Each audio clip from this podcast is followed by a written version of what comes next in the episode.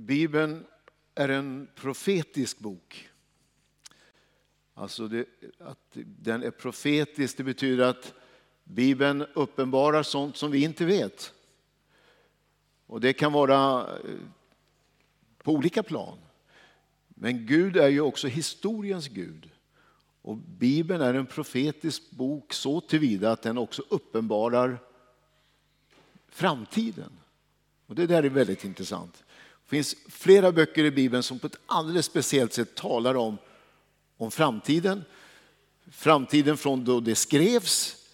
Men vi förstår att det gäller ju också vår framtid, det som ligger framför oss. En av de böckerna, det är den näst sista boken i Gamla Testamentet, boken Sakarja. Väldigt intressant och spännande att läsa. Nu ska vi inte ha ett bibelstudium, men jag ska läsa en vers som beskriver eh, någonting väldigt speciellt för det judiska folket, men också som kan bli hjälp tror jag för oss var och en att förstå det andliga livet genom den heliga ande. Och eh, då läser jag ifrån Sakarja-boken, det tolfte kapitlet och bara en vers. Och det här är ju alltid eh, svårt, va? för att man läser en vers i ett långt sammanhang. Men vi gör så idag. Det tolfte kapitlet, vers 10. Och då läser jag så här. Men över Davids hus och över Jerusalems invånare ska jag utgjuta nådens och bönens ande så att de ser upp till mig som de har genomborrat.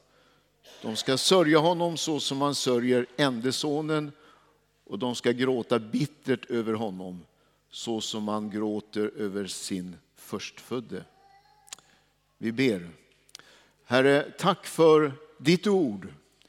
Tack för det profetiska ordet som uppenbarar det som är fördolt för oss människor i vår begränsade kunskap. Men du är allvetande, du är historiens Gud och tack för det profetiska ordet som lyser upp både nuet och framtiden.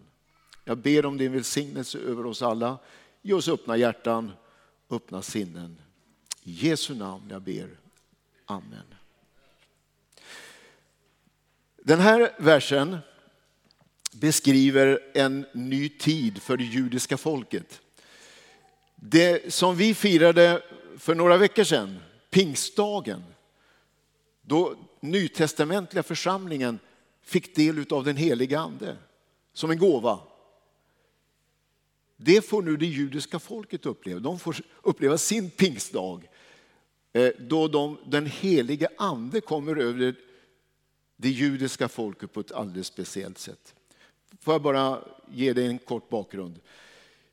När Jesus kom så kom han ju till sitt eget folk, det judiska folket. Och vi vet att man förstod inte vem han var och man försköt honom. Och det här, det, det skedde någon sorts blockering i det judiska folket.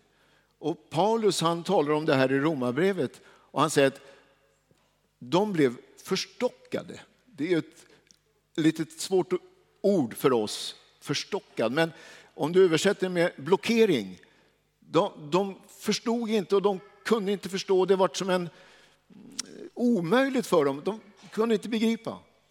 Och därför så fortsätter många judar idag upptäcker Jesus som sin frälsare. Men de allra flesta judarna lever kvar i den här blockeringen. Men den här versen talar om att en dag ska blockeringen släppa och det hårda hjärtat bli mjukt och man ska få förvandlade hjärtan och sinnen och ta emot den helige ande på ett speciellt sätt. Nådens och bönens ande. Om du läser Sakarja, jag bara snuddar vid det här, det är ju inte ämnet, men jag bara snuddar vid det. Sakarja talar om vår framtid, vår framtid. Deras framtid men också vår framtid. Och om du tar dig tid att läsa och studera den här intressanta boken så talar det, och inte minst de här sista kapitlen i boken, talar om den dag då det verkar som att hela, alla folk på jorden, alla nationer bestämmer sig för att gå till Jerusalem, gå till det judiska folket. Och för att använda ett ord som är belastat från historien, göra en slutgiltig lösning på det här irriterande fenomenet, det judiska folket och den judiska staten. Hela världen beslutar sig för att gå mot Israel. Det beskrivs som att Jerusalem kommer att vara som en, en sten man försöker lyfta, men alla gör illa sig på den. Eller det är som en berusningens kalk. Alltså man dricker och man blir berusad, man handlar irrationellt eh, som i blindo. Och när man, då beskriver Sakarja att när det ser ut som att den här totala koalitionen som går mot det judiska folket ser ut att få övertaget och, och vinna. Då händer någonting mycket spännande. Då säger Bibeln, Jesus kommer, sätter sina fötter på Oljeberget som ligger strax utanför Jerusalems murar. Och där bryter en helt ny tid in för inte bara Israel utan för hela mänskligheten. Nu är vi inne på mycket intressanta tider när vi talar om tusen år av fred. Det längtar vi väl efter. När vi håller, nu i dagarna följer eh, Eh, det som händer i Ryssland och i Ukraina och det som händer i många länder lite överallt. Tänk att vi äntligen skulle få uppleva fred på jorden. I varenda land, varenda etnisk grupp få uppleva lugn och ro. Det ska hända och hända när fridsförsten Jesus Kristus kommer tillbaka. Och det är det som beskrivs i den här, det här brevet, eller den här boken. Och då händer någonting fantastiskt. Det judiska folket upplever att den här blockeringen släpper plötsligt. Och man ser, ja men Jesus är ju den Messias vi har väntat på. Judarna väntar ju på Messias. Och vi vet ju att Messias, det var Jesus Kristus. Men man, man ser inte det. Då ska man se, ja men Jesus är ju verkligen Messias. Och hur känner man igen honom? Jo, han bär ju märken efter korset. Eh, man ska se upp till honom som man har, genom, man har stungit, som man har genomborrat. Man känner igen, det här är Jesus, han är Messias. Jag sa att, att Gud är historiens Gud. Jag fick av en god vän eh, eh, en liten videosnutt häromdagen, jättespännande, som talar om att mellan Adam, den första människan, och Abraham så går det 2000 år. Mellan Abraham och Jesus går det 2000 år. Mellan Jesus och vår tid går det ungefär 2000 år. Eller hur? Det är 6000 år. Och nu väntar vi på tusenårsriket. Eh, ni vet, Gud skapade världen på en vecka och den sista dagen vilade han. Förstår du? Vi lever i väldigt spännande tider och vi har all anledning att lyfta våra huvuden och vänta Jesus tillbaka. Han kommer mycket snart. Och det här är så inspirerande. Visst är det? Tänk att Jesus ska komma tillbaka. Tänk att han ska komma med fred och stabilitet och förändra allt det destruktiva och jobbiga som vi just nu upplever. Det som då sker när Jesus kommer och judiska folket upptäcker att ja, han är faktiskt Messias, då säger Bibeln, då ska det ske en andeutgjutelse. Precis det den nytestamentliga församlingen upplevde på pingstdagen. Då den helige ande kom över lärjungarna och de som då väntade, 120 stycken, och som bad. Och så vet ni vad som hände på pingstdagen. Det ska ske igen. Och då säger Gud, jag ska utgjuta nådens och bönens ande. Och jag tycker den här presentationen av den helige ande är så intressant. Nådens och bönens ande. Det finns många olika beteckningar på den helige ande i Bibeln. Bibeln säger att det är den helige ande, kraftens ande, kärlekens ande. Och det finns olika benämningar på den helige ande. Men just den här titeln kan man säga på den helige ande är så fantastisk. Nådens ande och bönens ande. Och tänk att vi kan alltså få uppleva idag denna nådens ande och bönens ande. Den är ju utgjuten. Enligt profeten Joel så ska det ske i de yttersta dagarna, och det skedde på, alltså på pingstdagen i Jerusalem, att jag ska utgjuta min ande över alla människor, över allt kött. Så vi lever den tiden då nådens ande är utgjuten och bönens ande är utgjuten. Och alla, varenda en av oss här kan få bli uppfyllda av nådens ande och bönens ande. Visst är det fantastiskt? Denna kraft som Gud ger genom den helige ande ligger där till reds för var och en av oss. Nådens ande, det här är viktigt att ha med. För allt det som sker genom den helige ande, det är nåd. Den helige ande är nådens ande. När Petrus predikar på pingstdagen, som jag nyss refererade till, så säger han, gör bättring. Låt döpa er i Jesu Kristi namn till era synders förlåtelse. Då ska ni som gåva undfå den helige ande. Det finns alltså två förutsättningar för att få uppleva den helige ande, enligt Petrus. Det ena är att man gör bättring och tar emot förlåtelse genom Jesus Kristus. Det andra är att man låter döpa sig i vatten. Och det finns ju inget som hindrar att du blir döpt. Du kan ju få bli döpt, ja, kanske inte idag för att vi måste, det tar lite tid att fylla eh, vår dopassäng här, men så fort som möjligt så kan du bli döpt. Och då säger Bibeln, då får du som gåva den heliga Ande. Har alltså ingenting att göra med hur länge du har varit kristen, hur trogen du har varit och offrat, eh, om du har delat ut mycket traktater. Allt det där, det, det kan vara bra i sig, men det, inte, det, har inte med det att göra. Utan nu talar vi om nådens ande, en gåva som Gud ger av nåd. Ingen enda av oss förtjänar det, men det är en gåva av nåd. Du vet hur det är när man får en gåva.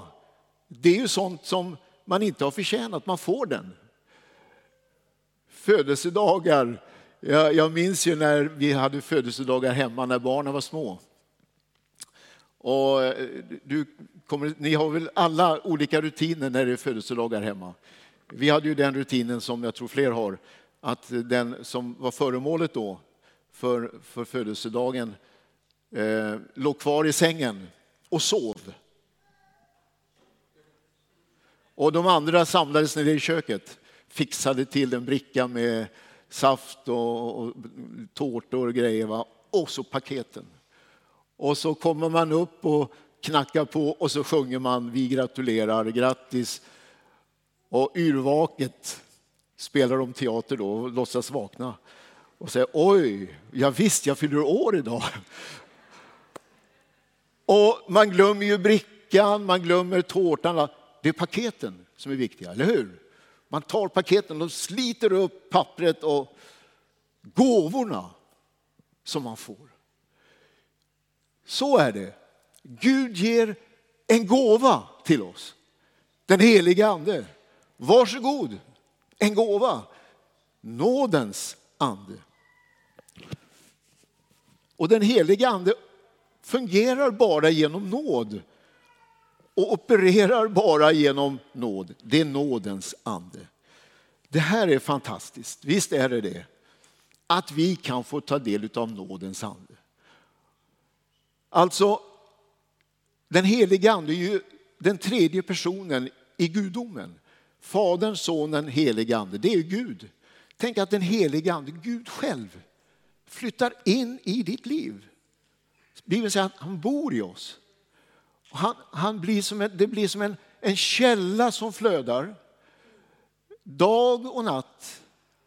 Om du är frisk eller sjuk, om du är ung eller gammal, om du är på semester eller på jobbet, så finns det inom dig en källa. Den heliga ande som flödar. Visst är det underbart? Som finns där. Ingen kan ta det ifrån oss, utan den finns i våra liv, den heliga ande. Av nåd, bara nåd. Vi är frälsta av nåd och vi är andefyllda av nåd. Det börjar med nåd och det fortsätter med nåd. Och jag på att säga, det slutar aldrig, men det, och slutar det någon gång så är det i nåd. Nåd över allt förnuft. Så skrev Nils F Nygren sin sång. Nåd över allt förnuft. Nåd över alla gränser. Allting den överglänser nåden som Herren ger. Tänk att få öppna för nådens ande. Det här är så viktigt att komma ihåg. Därför att på det här området som på väldigt många andra områden så kommer direkt, det är som en, en reaktion ifrån oss själva. Vi vill göra någonting, vi vill förtjäna och vi vill producera och säga att ja, jag, jag vill ha anden men jag vill inte, det är inte bara en gåva, nåd, utan jag, jag vill förtjäna det. Det här blir jättetydligt eh, i Apostlagärningarna vid ett tillfälle när eh, i, en, eh, i Samarien där en väckelse bröt ut och människor blev frälsta och fyllda av den heliga ande. Och en man där som kallades för trollkar, han höll på med magi och han blev frälst. Och när han såg att den helige ande kom, nådens ande kom och fyllde människor. Då, liksom instinktivt så tar han fram plånboken och säger, kan jag få köpa det där? Att jag kan få dela ut den heliga ande på det sättet. Och då reagerar de kärleksfulla apostlarna väldigt strängt. Och du kan läsa om det där, hur de går till rätta med Simon och säger, det går inte att köpa Guds gåva för pengar. Nej, men man kan heller inte köpa Guds gåva för gärningar. Du kan inte skrapa ihop liksom goda gärningar för att få bli fylld med nådens ande. Därför att det är nådens ande. Det är bara nåd. Men nådens ande fyller våra liv. Och allt det den helige ande gör, det är nåd. Vi brukar ju tala om de andliga gåvorna som är kopplat till andeuppfyllelse. Och då säger vi, det kallas för nådegåvor. För att riktigt betona att det här är ingenting som man kan förtjäna eller meritera på något sätt. Utan det är nåd, nådegåvor. Att tala i tungomål, att profetera, att vara med och bota sjuka. Allt det där, det är nåd från början till slut. Nådegåvor. Anden tilldelar åt var och en någon särskild gåva som anden vill. Det är bara nåd. Det är bara öppna. Bara att ta emot. Och det här är väl, det här jag tycker det är så fascinerande. Tänk att vi alla alltså kan få vara fyllda med den heliga ande och få fungera med andliga gåvor. Det här gör ju att en liten pojke eller flicka, en tioåring, kan bli fylld med den heliga ande. Kan få vara med med andliga gåvor, kan profetera, kan lägga händerna på en sjuk och de blir friska. En tioåring kan ju inte teologin bak och framlänges, eller hur? Eller hur man ska förhålla sig på olika sätt. Nej, men det är en nådegåva. Och det där kan ett barn uppleva och det kan vi alla uppleva. Och om du är uppe i åldern så kan du uppleva, det är no, alltihopa är nåd. Nådens ande. Glöm aldrig det. Nådens ande. Jag ska utgjuta nådens ande. Och det är den anden som vi har fått, den helige ande, nådens ande. Sen finns det ett, ett epitet till och jag vill också nämna några ord om det. Nådens ande är också bönens ande. Nådens och bönens ande. Nådens ande väcker nämligen en längtan till bön. Det är någonting spontant, det är någonting naturligt. Nådens ande är bönens ande. Vi söker Gud, vi längtar efter honom. De som är lite äldre kallar det här för väckelseatmosfär. När man möts till i kyrkan och så känner man Guds närvaro, den helige ande. Vad är det för någonting? Hur skapar man det? Vad är väckelseatmosfär? Det är nådens ande. Det är bönens ande. Det är det som är väckelseatmosfär. Det är det vi upplever, eller hur? Bön är kopplat till nådens ande, bönens ande. Du, bön är inget kravfyllt. Bön är ingen tung börda som läggs på oss. Och visst, ja, jag måste ju be också. Och jag måste eh, ta tid för det här. Nej, det är ett naturligt uttryck när vi blir fyllda med nådens och bönens ande. Bönens evangelium. Vi längtar efter att vara med vår far och tala till Jesus Kristus, vår Herre. Det är ett naturligt uttryck när vi fylls av bönens ande. Får jag ge dig några illustrationer på det här? Först ifrån Jesu liv. När Jesus döps, nu är vi där igen, dopet. Jesus blev döpt, berättas det om, innan han börjar sin offentliga tjänst. Och när han står i Jordanfloden, för han döps alltså genom nedsänkning. Johannes, vi hörde en inledning här om Johannes döparen. Men Johannes döpte i Jordanfloden för där fanns det mycket vatten står det. Så han döpte alltså genom nedsänkning. Dop, döpa, baptiso på, på grekiska betyder att doppa ner.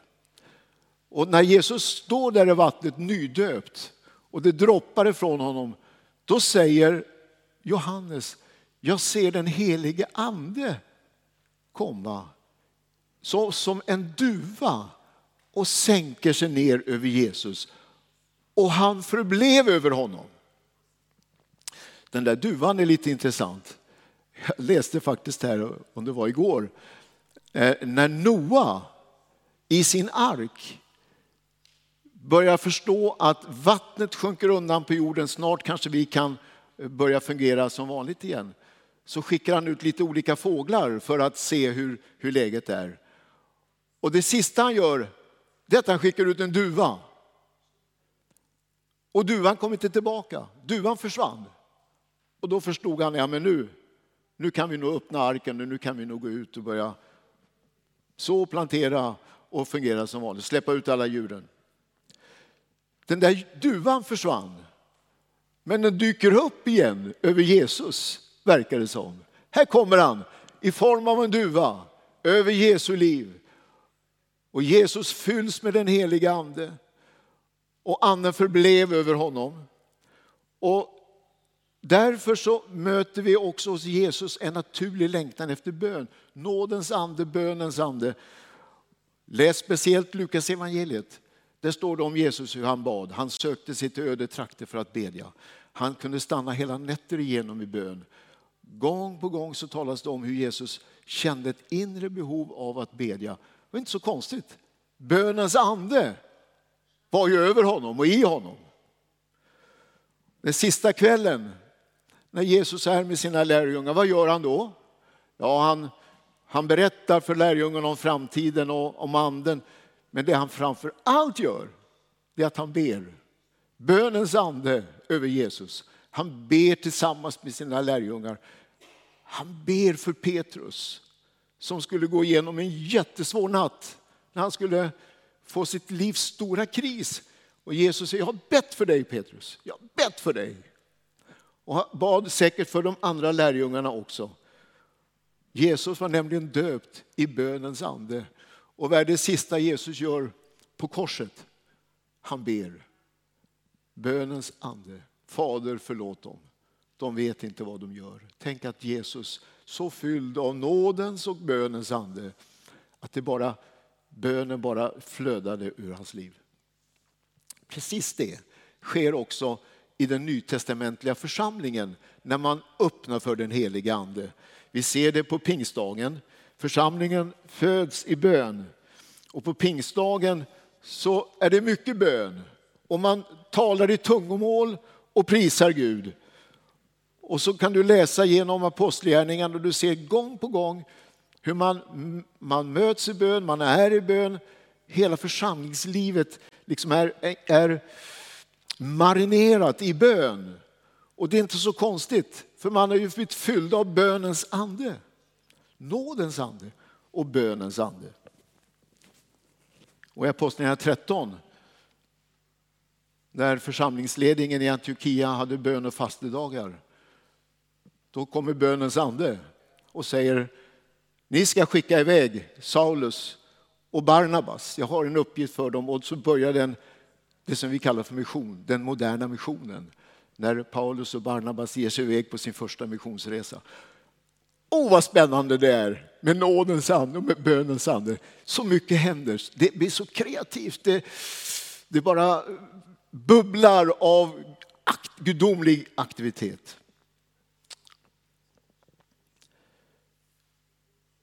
Får jag ta en illustration till? I Gamla Testamentet så fanns det någonting i, dels i, i tabernaklet men sen i templet, någonting som kallades för rökelse. Rök, man hade till och med ett rökelsealtare som stod precis framför förlåten som, var, som hindrade att man kunde komma in i det allra heligaste. Men precis framför det så stod ett rökelsealtare. Rökelsen bestod av något sorts blandning, ett pulver. Eh, men det räckte inte utan behövde eld till det för att det skulle börja dofta. Och varje dag så tände man rökelse i templet. Allt som skedde i templet var fyllt av rökelse. När prästerna går in så är det i rökelse. Och när man gör inne i templet de olika uppgifterna så är det bara fullt av rökelse och man, det är som en atmosfär av rökelse. Och det här är så spännande för att i Uppenbarelseboken, det femte kapitlet, den åttonde versen, så står det, det talas om rökelsen, det är det heligas böner. Det heligas böner, det är som rökelse. Förstår du bilden? När vi, vi är ju ett tempel, våra kroppar är ett tempel för den heliga ande. Och som församling är vi ett tempel för den heliga ande. Och då har vi bönens ande, utgjuten. Vi, vi, vi finns i denna rökelse av väldoft och, och som skapar atmosfär. En rökelse som sätter sig i kläderna. Jag är säker på att det satte sig i kläderna och i håret. Och när de kom hem ifrån templet så säger de där hemma, jaha du har varit och tjänstgjort i templet, vi känner på lukten, doften, rökelsen.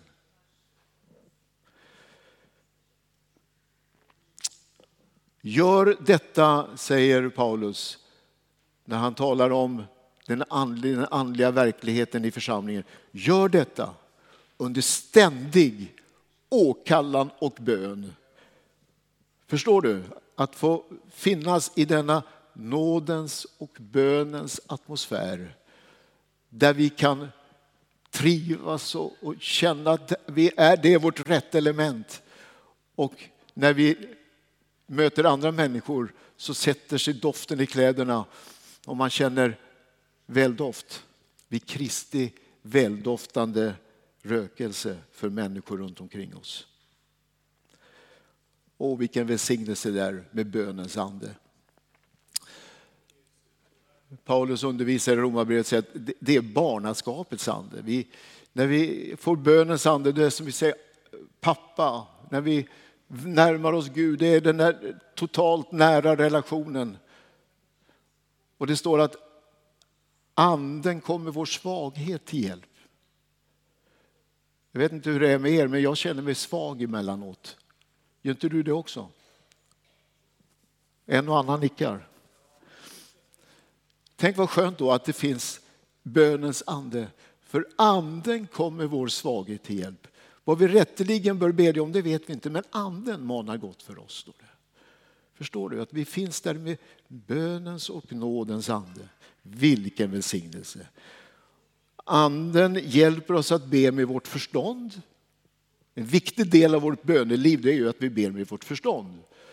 Och då är det väldigt bra med den heliga ande för anden påminner oss om saker och ting. Och, och eh, ibland så tror jag till och med att vår fiende påminner oss. Jag vet inte om du har varit med om det? Att eh, du tänker nu ska jag ta en stund och vara inför Gud. Och så börjar du bedja och så plötsligt så, oj visst ja, jag skulle ha ringt den. Oj, har jag betalt den räkningen? Och så kommer en massa man påminner. Har du varit med om det? Ja, det är min upplevelse. Eh, det tror jag inte är anden som påminner. Men anden kan påminna oss om det kanske är dags att be för, för den där personen. Oj, det var länge sedan du träffade henne. Ska du be? Kanske du måste be för den. Så, så är man med, med denna bönens ande, bönens atmosfär så samarbetar vi med den heliga ande och vi ber med vårt förstånd. Men ande hjälper oss också att be utöver vårt förstånd. Och det här blir, nu blir det riktigt spännande, eller hur? När vi talar i tungomål som vi alla kan få göra, som är kopplat till den heliga Ande. För Bibeln säger när vi talar i tungomål talar vi hemlighetsfulla ord till Gud. Det är ingen annan som förstår. Och vi själva kan ana men inte riktigt begripa. Jag har ju jag har två modersmål som jag talar obehindrat. Svenska talar jag obehindrat. Sen fuskar jag på en del andra språk, men det är inte alls obehindrat. Men jag har ett annat språk jag talar obehindrat och det är tungotalet. Det är obehindrat. Det bara kommer, det flödar. Fantastiskt. Ännu bättre kanske än svenska, för det måste man ibland tänka på grammatiken. Men tungotal, det bara fungerar. Tänk att få finnas och flöda med dessa hemlighetsfulla ord. Bönens ande, Guds ande kommunicerar. Vad jag ska be om det, det vet jag inte riktigt, men anden manar gott. Och så kommer den där funktionen in. När jag eh, förberedde mig här så kom jag att tänka på, jag tror att jag berättat det tidigare, men kanske en del har hört det. Ni får eh, jag ber om ursäkt i så fall att, ni upp, att jag upprepar mig. Som en ung predikant nere i, i eh, Kalmar län så lärde jag känna en äldre pastor. Ja, äldre, han är väl, var väl då som jag är nu.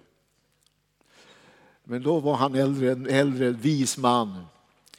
Han hette Sven Lindqvist, var pastor i Mönsterås. Och det berättas om honom. Man var på, på bönedag, predikanterna möttes på bönedagar. Och då, på den tiden var det varje månad. Och det var mycket bön de där dagarna. Och just då hade församlingen där han tjänade en missionär hemma som kom från Afrika, om det var Tanzania kanske, eller något land nere i Afrika, som var hemma på en viloperiod. Och då sa han till den här kvinnliga missionären, häng med du, vi har bönedag. Ja, gärna. Och så började de bedja och Sven Lindqvist, de hade böjt knä och de bad till Gud. Och han känner att plötsligt så börjar han tala i tungomål. Och han, han känner att han är som i en bönetjänst, men han vet inte vad han ber för. Men det är bara, han känner att han ber i tungomål. Och så går det en stund och så säger värdpastorn, Hörni, ska vi ta lite kaffe nu? Ja, det vill ju alla. Så reser de sig upp och, och då säger missionären till Sven Lindqvist, du Sven, sa hon, jag visste inte att du kunde swahili. Eller om du, vilket nu språk det nu var, afrikanskt språk. Och Sven sa, nej men jag kan inte det. Jag, jag, tror inte han hade varit utanför Sveriges gränser. Knappt i våra nordiska grannländer. Han kunde inget språk. Jag kan inte swahili. Ja, men jag har ju hört. Jag, jag, jag har ju hört dig. Du, har ju, du har ju bett på det här språket. Och du har, du, du har bara så naturligt bett för, du har nämnt platserna där, som, där vi arbetar. Du har beskrivit problem som vi har, lite konflikter. Du, du har ju berättat, du har bett för det. Jaså? ha. Han visste att han var i bön, men han begrep ju inte att han just då var i en annan världsdel och påverkade ett andligt skede på en annan plats. Visst är det fantastiskt med bönens ande. Och det här, det är ju det vi upplever. Det är bönens ande, det är den du har. Förstår att få be med förståndet, men också att genom den helige ande be i tungotal och göra, och liksom komma in på ett nytt område. Vidgade perspektiv. Fantastiskt. Och sen att till och med få vara och bedja utan ord. Vi kan ju inte gå runt och bedja eller tala i tungor hela tiden. Men vi kan be hela tiden. Bibeln säger be i er ande varje stund och be ständigt. Hur ska det gå till? Jo, det är det att du har bönens ande som ber. Om du ligger och sover, det måste vi alla göra, så kan din ande be. Om du är på sjukhus och ligger i koma, din ande kan be. Om du jobbar och sitter med komplicerade uträkningar, eller din ande kan be. Förstår du? Ständigt. Döpt i nådens och bönens ande. Och denna kommunikation med Gud. Det kan ske genom drömmar och syner. Vi har ju fullt av det i apostlagärningarna. Hur man drömmer och hur man ser syner och hur man kommunicerar med Gud. Vad är det? Det är bönens ande. Nådens ande. En dag ska det judiska folket på en enda dag ta emot Jesus och bli döpta i den heliga ande. Vi har tjuvstartat. Vi har tagit emot Jesus och vi får del av den ande som Gud sände den första pingstdagen. Nådens ande. Det inte har att göra med din förtjänst på något sätt. Bara nåd från början till slut. Nåd över allt förnuft. Nåd över alla gränser. Och så är det bönens ande. Nådens ande är också bönens ande. Tänk om vi den här sommaren ska riktigt få leva med nådens ande och bönens ande. Vad spännande! Om du är hemma eller om du åker på semester, träffar familj eller om du är ensam. Tänk att få leva detta spännande liv fylld med nådens ande och bönens ande. Låt oss vara öppna och ta emot och leva fyllda med den heliga Ande. Vi ber tillsammans.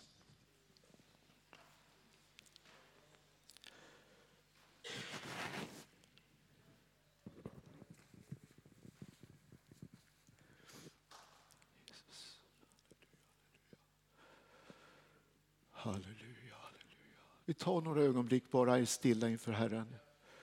Öppna ditt hjärta nu. Det är nåd som jag sa.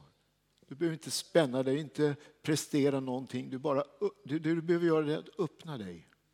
Öppna ditt hjärta. Öppna ditt liv, öppna ditt sinne. Låt den heliga Ande få fylla dig just nu. Nådens ande. Halleluja.